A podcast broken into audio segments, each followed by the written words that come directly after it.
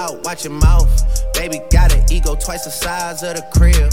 I can never tell a shit, it is what it is. Said what I had to and did what I did. Never turn my back on every. Yo, selamat datang kembali di podcast with Mraf. Pernah gak sih lu dengerin atau kayak lu lagi cari-cari metode suatu metode uh, metode belajar yang menurut lu paling pas, yang menurut lu itu uh, ngebuat lu itu paham beneran sama materi yang emang ber lagi berusaha lu pahami. Oke, kali ini gue bakal ngebahas tentang teknik belajar Feynman teknik. Pernah nggak lo denger atau lo kalau belum pernah uh, nanti gue juga bakal bahas ini. Dan tentunya nggak cuman itu gue bakal juga ngasih tahu siapa sih sebenarnya Richard Feynman ini uh, mari kita berkenalan dulu ya. Tanpa basa-basi langsung kita bahas aja Richard Phillips Feynman jadi nama itu sebenarnya di tengahnya tadi gue juga baru sadar ya kayak ada Phillipsnya gitu. Tadi gue tulisnya kayak Richard Feynman doang ternyata oh ada nama tengahnya juga gitu kan. Nah jadi si Richard Phillips Feynman ini merupakan seorang fisikawan yang uh, berasal dari Amerika dan juga termasuk salah satu fisikawan yang paling berpengaruh di abad ke-20 kenapa kok dia bisa menjadi salah satu orang paling berpengaruh? Ya karena uh, sangat influential ya. Jadi karya-karya yang dia angkat abis itu juga pengabdiannya dia kepada ilmu pengetahuan itu memberikan uh, kontribusi kepada kepada sains itu sendiri gitu. Jadi sains itu semakin berkembang ya. Dia juga salah satunya orang yang ikut uh, mengembangkan uh, ilmu sains dan di fisika itu sendiri uh, Richard Feynman ini memiliki karya utama ya. Jadi karya utamanya ini uh, berupa perluasan teori termodinamika kuantum. Nah apa sih teori termodinamika kuantum yang uh, dibahas oleh Richard Feynman?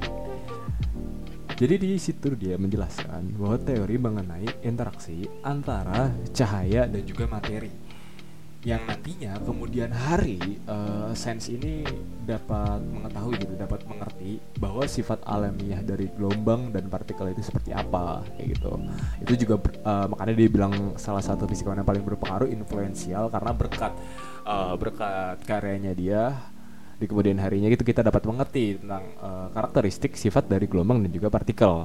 Nah berkat karyanya tersebut uh, dia tuh dianugerahi salah satu penghargaan paling bergengsi uh, bagi para ilmuwan ya gitu. Karena ini salah satu penghargaan yang prestis banget lah pokoknya. Yaitu sebuah Nobel gitu. Tentunya dia mendapatkan Nobel Fisika pada tahun 1965 bersama dengan Julian Seymour Schwinger mungkin cara baca itu dan Tomo Nagashin Itiro yang menarik adalah uh, Feynman merupakan keturunan Rusia dan Polandia gitu. Jadi dia uh, bukan asli di asli orang Amerika sana gitu kan. Tapi dia adalah orang keturunan Rusia dan juga Polandia. Dan dia itu bermigrasi ke Amerika itu sekitar abad 19 akhir. Jadi dia baru uh, migrasi ke Amerika.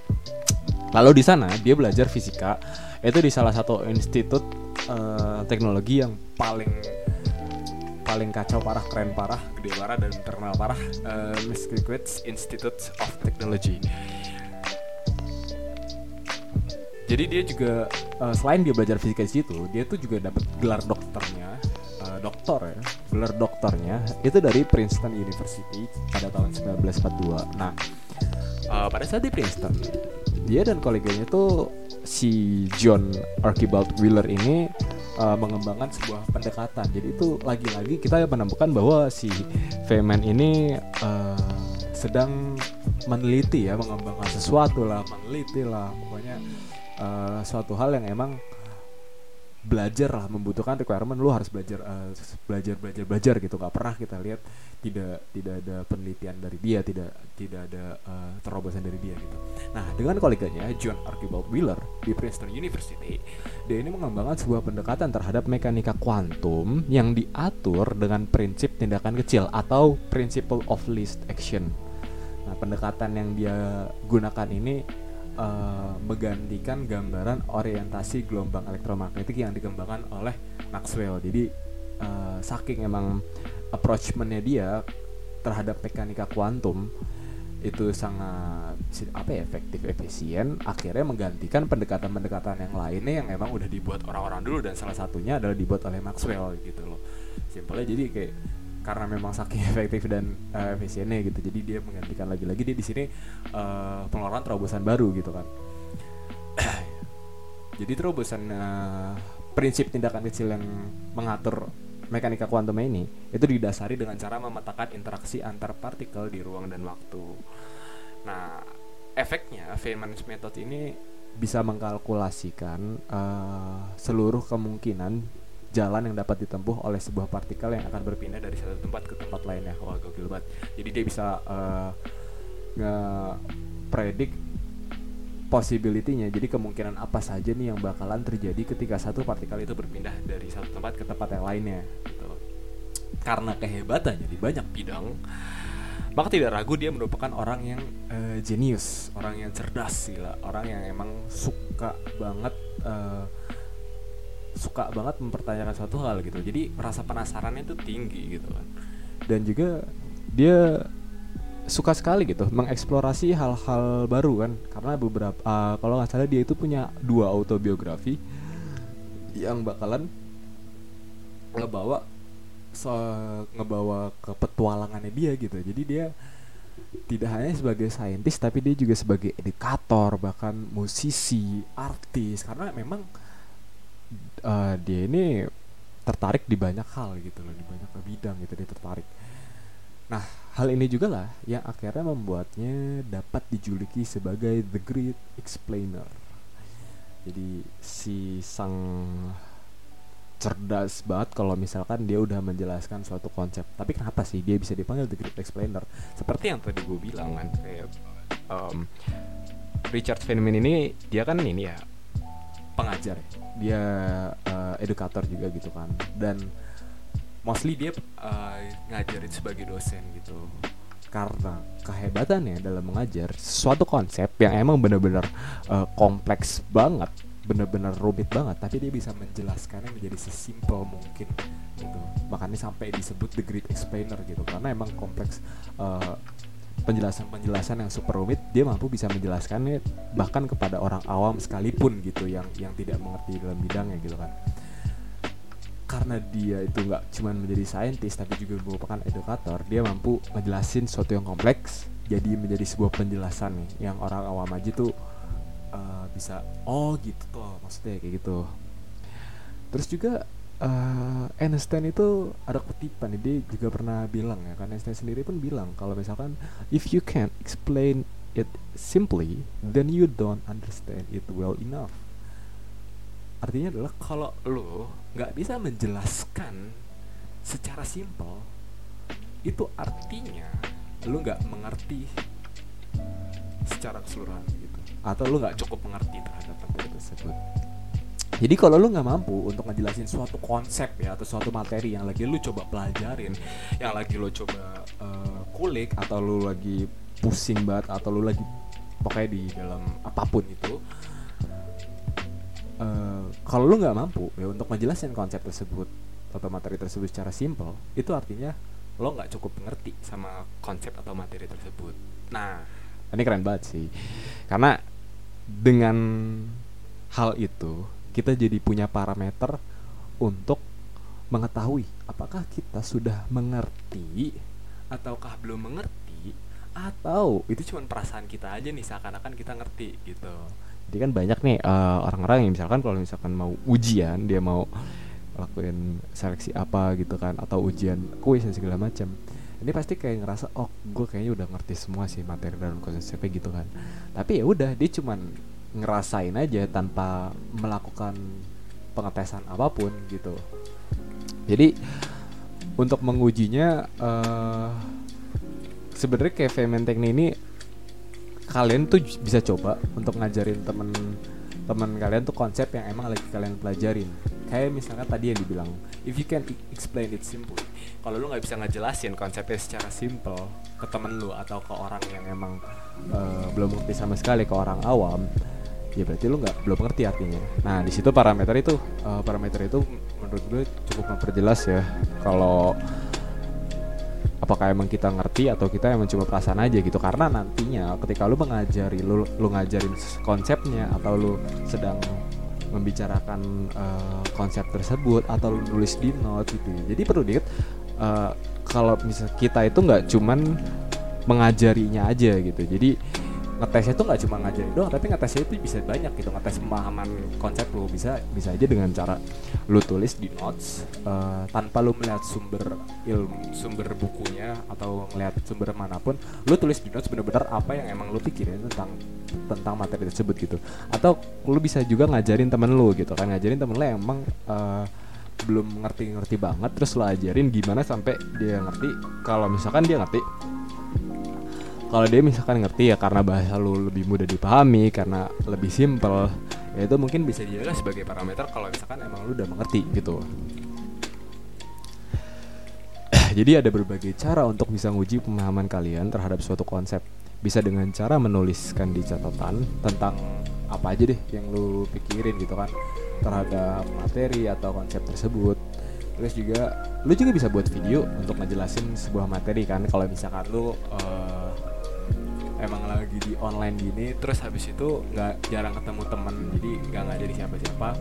Ya tadi banyak banyak cara. Lu bisa taruh di mate di notes lah. Baik itu lu ngetik ataupun lu tulis atau juga lu bisa buat video nih. Lu buat video seakan-akan lu menjelaskan uh, materi atau konsep yang emang lagi lu pahamin tapi lu ngejelasin tuh ke orang awam gitu. Jadi jadi lu biar ngerasa bahwa uh, kalau lu ngejelasin itu terlalu ribet orang awam pasti kan nggak bakal ngerti gimana pun caranya. Lu harus bisa ngejelasin dengan sesimpel mungkin gitu menggunakan analogi lah dan berbagai macamnya gitu. Nah dari catatan itu notes ataupun cara ngajar uh, atau juga video ya itu lu bisa lihat lagi nih lu bisa ngelakuin evaluasi dan dari situ lu bisa menilai sudah sepaham apa lo terhadap materi tersebut terhadap konsep tersebut gitu kan. Atau di tengah-tengah uh, video misalkan lo lagi evaluasi nih. Terus habis itu di uh, di pertengahannya ternyata lo kagok nih ketika ngebahas subbab-subbab tertentu. Nah di situ lo bisa ngerti bahwa oh, oke okay, gue ternyata belum ngerti-ngerti banget nih tentang subbab yang ini tentang subbab yang ini gitu. Nah maka dari situ lo bisa langsung evaluasi lagi nih. Lo akan perdalam lagi pemahaman tentang di bab-bab yang emang lu bener uh, kurang di situ. Nah terus uh, ada teknik yang uh, diajarkan oleh Richard Feynman itu sendiri yaitu metode belajar Feynman teknik. Bisa dipakai untuk uh, metode belajar apa pun. Jadi jangan sampai mikirin oke okay, di awal-awal kita gunain teknik ini untuk bisa mahamin suatu materi pelajaran mata kuliah atau apa pun itu ya konsep-konsep yang emang uh, kompleks tapi coba ini juga bisa diaplikasikan di banyak bidang sebenarnya kayak dari musik, IT, terus juga skill-skill uh, lainnya menggambar dan lain-lain lah. Nah, tapi sebenarnya gimana sih cara metode belajar Feynman teknik itu sendiri? Nah, jadi gini, kan kita udah tahu nih bareng-bareng kalau misalkan suatu konsep kalau misalkan uh, memahami suatu konsep dengan mendalam itu kita harus ngelakuin testing gitu loh. Kita kayak ngetes diri kita pemahaman kita tentang konsep tersebut. Dengan cara apa pun lo bisa mau ngajar bisa lo mau tulis catatan bisa lo buat video apa pun itu ya. Bisa lo pakai suara doang nih. Lo suara doang tentang uh, video eh bukan video ya itu recording ya recording suara terus lu sambil ngomong jelasin nih. Tapi lu nggak lihat sumbernya sama sekali lu nggak lihat buku lu lu cuma ngomongin apa yang mau lu pahamin aja gitu kan. Nah itu bisa bisa dipakai juga gitu. Nah ada step-stepnya nih yang bisa lu lakuin dari Feynman teknik. Step yang pertama uh, lu ambil kertas ya, terus tentuin konsep apa yang pengen lu uji dulu gitu. Lu ambil kertas dulu tentuin konsep apa nih yang pengen lu uji ya kan Nah, tulisin di atas kertas tersebut. Lu udah tulis nama uh, di atas kertas ya. Yang kedua adalah lu jelasin konsep tersebut dengan bahasa yang sederhana. Kayak lu nganggap lu lagi ngomong dengan orang awam uh, stranger lah atau dari keluarga lu yang emang gak ngerti bidang itu sama sekali dan uh, tugas lo adalah lo harus menjelaskan dengan bahasa-bahasa yang sederhana yang gak sulit yang gak kompleks yang gak banyak uh, kata-kata shortcut yang cepet ya gitulah. Jadi gimana caranya lo bisa menjelaskan tuh orang mudah ngerti gitu. Nah yang ketiga itu identifikasi. Setelah itu lo identifikasi nih bagian yang ngebuat lo itu merasa kesulitan kebingungan atau atau ketika lo lagi nyatet itu lagi uh, mengeluarkan pemikiran-pemikiran lo atau misalkan lo lagi pas lo lagi nyatet pas lo lagi record itu lo ngerasa kayak lo ngestak di situ tuh lo eh, nggak uh, kepikiran apa apa lagi nih tentang selanjutnya dari subbab itu. Nah di situ lo bisa catet. Lo lo catet di kertas tersebut untuk nantinya lo review subbab tersebut dengan cara lo ngeliat catatan buku lo jadi lu recall kembali information yang mungkin pernah lu pelajari dan lu lupa di tengahan. Nah makanya lu bisa tahu nih karena karena lu lupa lu bisa per, per pertajam lah ingatan lu di situ di situ lalu yang keempat adalah perhatikan istilah-istilah yang kompleks yang tidak dipahami oleh orang awam. Ini yang gue bilang tadi nih sama yang nomor uh, dua tadi. Jadi ketika lo ingin menjelaskan bahasa yang sederhana make sure istilah-istilah kompleks yang emang ada di dalam di dalam uh, materi atau topik yang berusaha lo pahamin itu itu lo bikin persimpel mungkin at, uh, atau cari sebuah analogi lah cari sebuah bahasa yang emang lebih mudah untuk dijelaskan gitu kan. Dan abis itu lu bisa langsung uji kemampuan lu dengan cara menjelaskannya secara simpel. Nah ini gue yakin sih gue yakin banget kalau misalkan lu bisa memahami materi ini ya secara deep uh, lu bisa ngikutin nih step-step yang tadi abis itu lu lakuin uh, kepada materi atau topik yang emang lagi lu buat. Gue yakin lu bisa banget pasti ngerti konsepnya karena itu clear banget sih itu jelas banget. Lu bisa ngeidentifikasi mana yang yang lu nggak paham mana yang lu ngestak mana yang lu bingung. Itu. Itu itu jadi yang menariknya di sini tuh gini ke, ketika gue tahu ini ini menarik banget ya karena gue ngelihat bahwa tantangannya buat gua itu adalah menjelaskan sebuah hal yang kompleks itu kepada orang awam yang emang gak ngerti apa-apa gitu loh. Ibarat kayak lo lagi mau ngejelasin uh, apa ya kayak black hole aja black hole mekanika kuantum lah atau uh, relativitas lah. Ke orang yang emang sebenarnya nggak belajar atau nggak punya background sama sekali di fisika atau Eh, nggak uh, mendalami fisika secara detail. Itu tantangan banget sih. Lo nggak akan bisa ngebuat jadi simple suatu materi ngebuat mudah atau ibaratnya simplifikasi konsep tersebut atau materi tersebut. Kalau lo nggak paham sama konsepnya ini gila keren.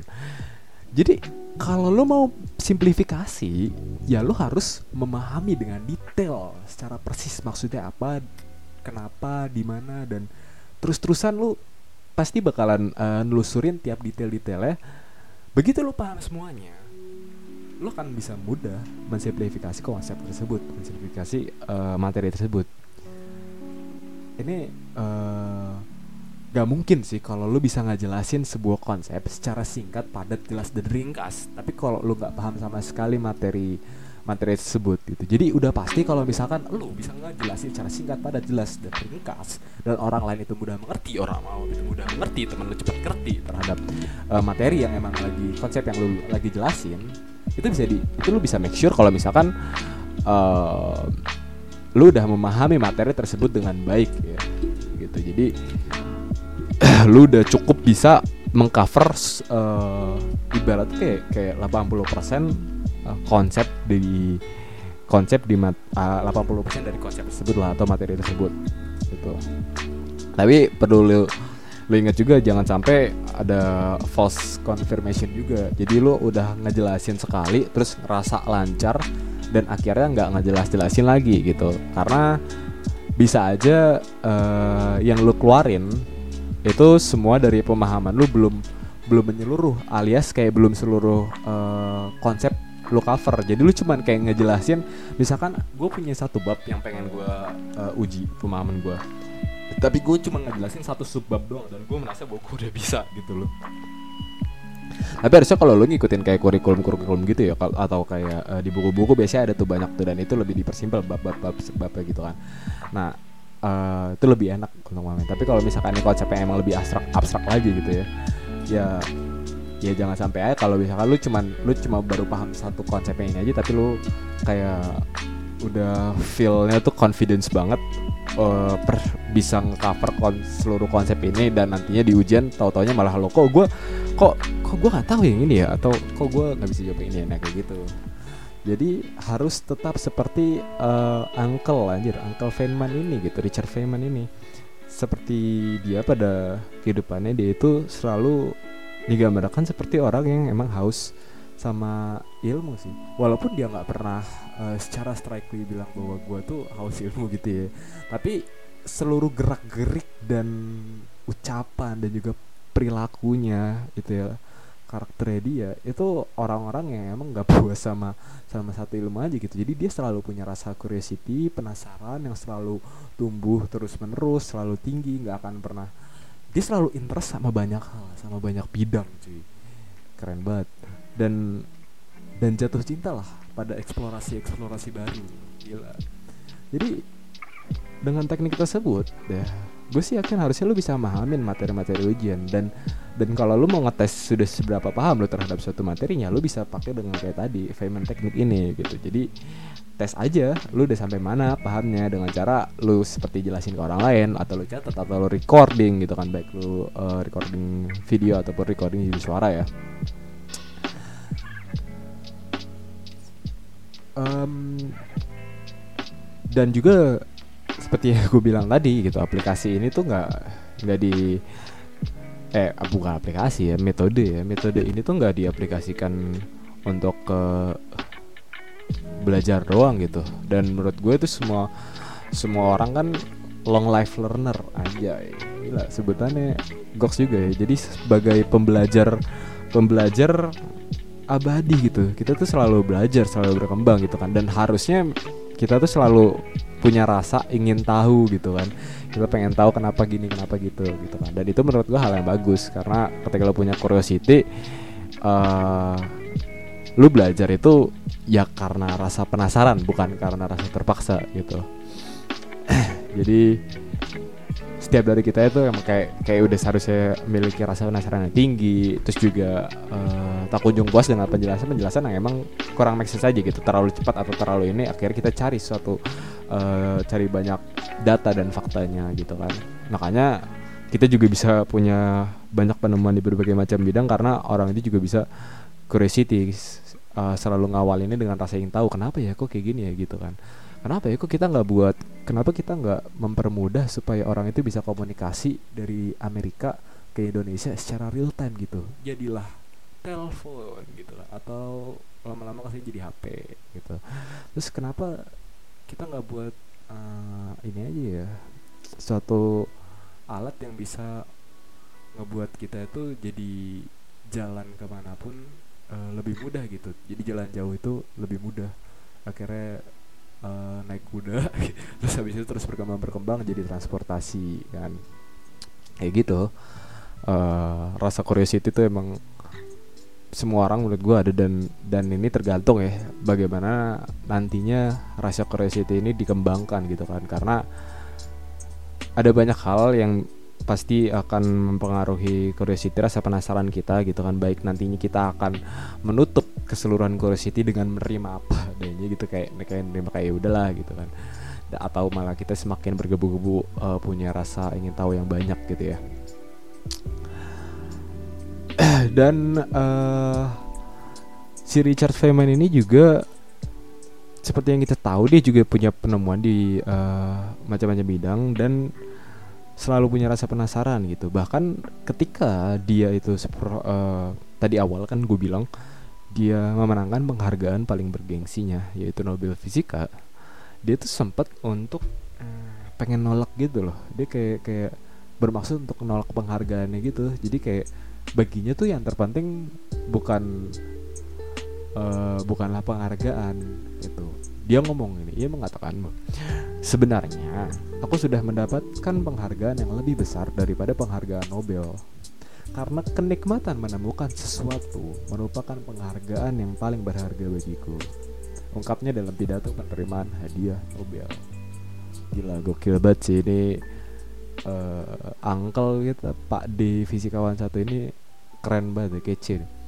karena menurut dia tuh segala sesuatu yang tidak dapat dijelaskan tuh merupakan hal yang menarik gitu. Karena dari situ dia bisa menumbuhkan rasa ingin tahu di mana nantinya rasa ingin tahu ini akan menuntun pada sebuah pertanyaan ya kan? Dia penasaran terus akhirnya dia membuat um, sebuah pertanyaan. Dan ketika sebuah pertanyaan itu diajukan terus habis itu uh, dia melakukan penelitian terus dia punya alasan tersendiri. Nah dari situ pasti akan muncul lagi sebuah rasa ingin tahu yang baru gitu kan.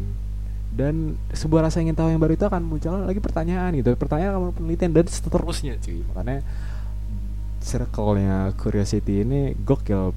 Dia dia bisa ya dia bisa memandang uh, dunia itu interesting gitu karena menarik aja. Segala hal itu tampak uh, perlu ditelusuri gitu kan. Gila ini kayak Sherlocknya ini nih Sherlocknya sains. Berusaha untuk menelusuri berbagai macam uh, kejanggalan di bumi gitu ya kan. Kenapa nih kayak gini kok gini nih. Nah. dan ternyata ngomongin tentang uh, feminine teknik ya uh, eh, gue punya experience. Gue tuh nggak sadar kalau misalkan gue itu menetapkan feminine teknik gue lupa sih gue ini antara nggak sadar atau tidak ingat kalau itu tuh payment teknik ya.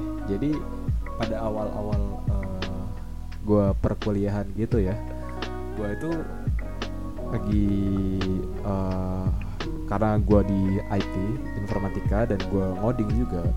Makanya gue waktu itu di awal-awal pasti adalah basic-basic pemrograman gitu dong.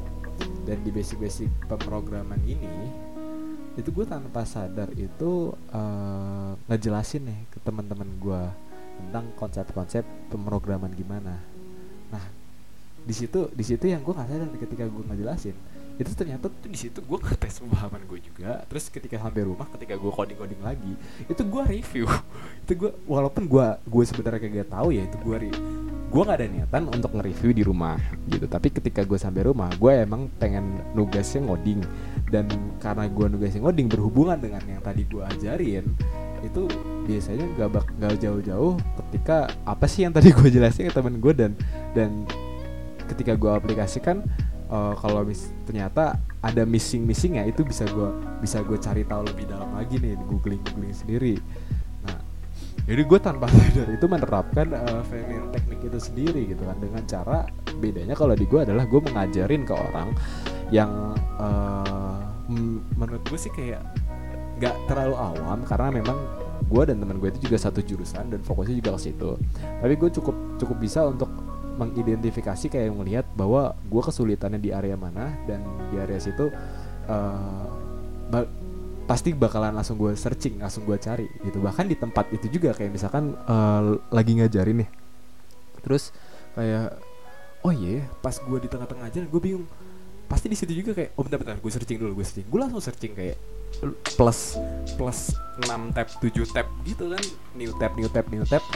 Buka cari cari cari dan kalaupun dapat gue bakal langsung jelasin gitu.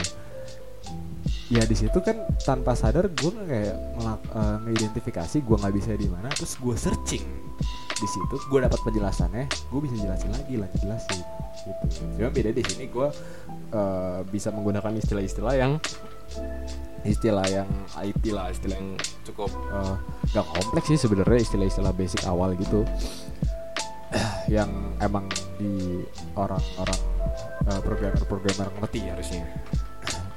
Nah di situ gue tanpa sadar kan gue akhirnya menerapkan feminine teknik dan mempertajam uh, basic pemrograman gue dan akhirnya gue semakin paham nih kalau tentang basic-basic pemrograman itu seperti apa cara cara menyusun algoritma itu seperti apa gitu kan. Dan uh, eh, gue keinget lagi gitu ketika beberapa hari setelah eh, setelah udah pokoknya udah nggak di semester awal-awal terus gue kayak ngeliat-ngeliat lagi Teknik oh iya waktu itu kan gue sempat ngelakuin kayak gini ya gitu kan.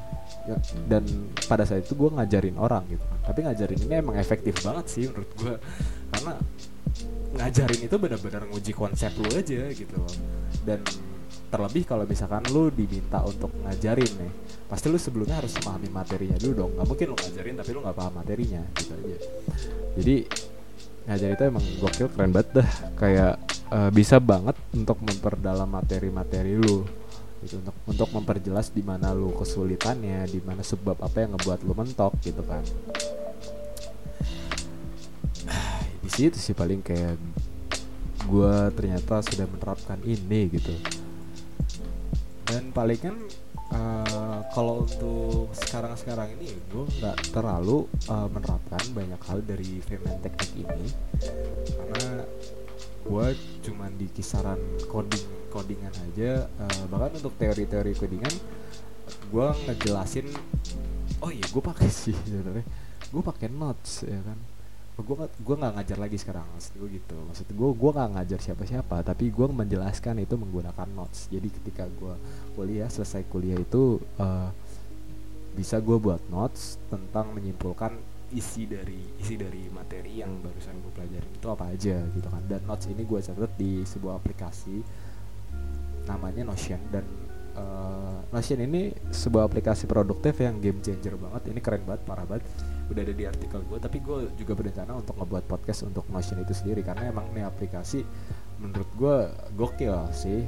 Gue udah coba pakai banyak aplikasi uh, produktif ya tapi ini salah satunya yang mampu menggerakkan usernya bisa produktif beneran gitu. Dan uh, mungkin di next podcast gue kalau ngomongin tentang itu gitu atau uh, ada, juga ada beberapa podcast di di situ ya. Gue juga punya catatan di list list uh, Notion itu sendiri buat ide-ide podcast gue ke depan nanti. Mungkin kalau lu misalkan punya ide-ide atau lu punya saran-saran nih lu mau bahas apa ngobrolin apa gitu kan ya. Atau juga uh, bahas murder mystery lah atau storytelling apa gitu. Ya boleh aja. Lu bisa ke Instagram gue di @merafkomen uh, lu bisa ngobrol di situ kontak gue uh, kita diskusi apa pun itulah yang yang menarik yang keren juga gitu kan. Atau kalau juga lu mau join ngobrol-ngobrol di dalam podcast gue juga lu bisa aja. Lu kontak gue aja gitu kan ngobrol apa kita nih kita mau ngobrol apa gitu. Ngobrol santai nih ngobrol ngobrol ngobrol malam asik gitu. Oke mungkin uh, cukup itu aja sih kayaknya gue kalau misalkan menurut lu emang uh, lu lagi lagi pas banget deh kalau lu lagi kerasa kesusahan nih sama materi atau pelajaran atau konsep-konsep tertentunya lu boleh cobain namanya metode ini VMN teknik gitu kan. Jadi beneran yakin deh kalau misalkan uh, lu bisa nerapin ini sesuai dengan ketentuan-ketentuan yang tadi gue bilang uh, harusnya sih harusnya lu bisa memahami secara detail at least at least 70 hingga 80 persen lah dari materi atau teknik yang mau lu pahamin itu gitu loh. So uh, thank you banget buat yang udah denger.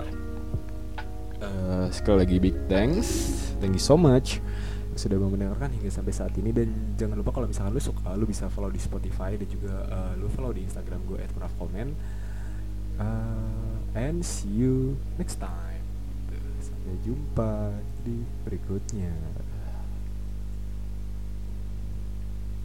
Haven't done my taxes, I'm too turned up. Virgil got a paddock on my wrist going nuts. Niggas caught me slipping once, okay, so what? Someone hit your block up, I tell you if it was us. Man, a house in Rosewood, this shit too plush. It's cool, man. Got red bottoms on. Life is good.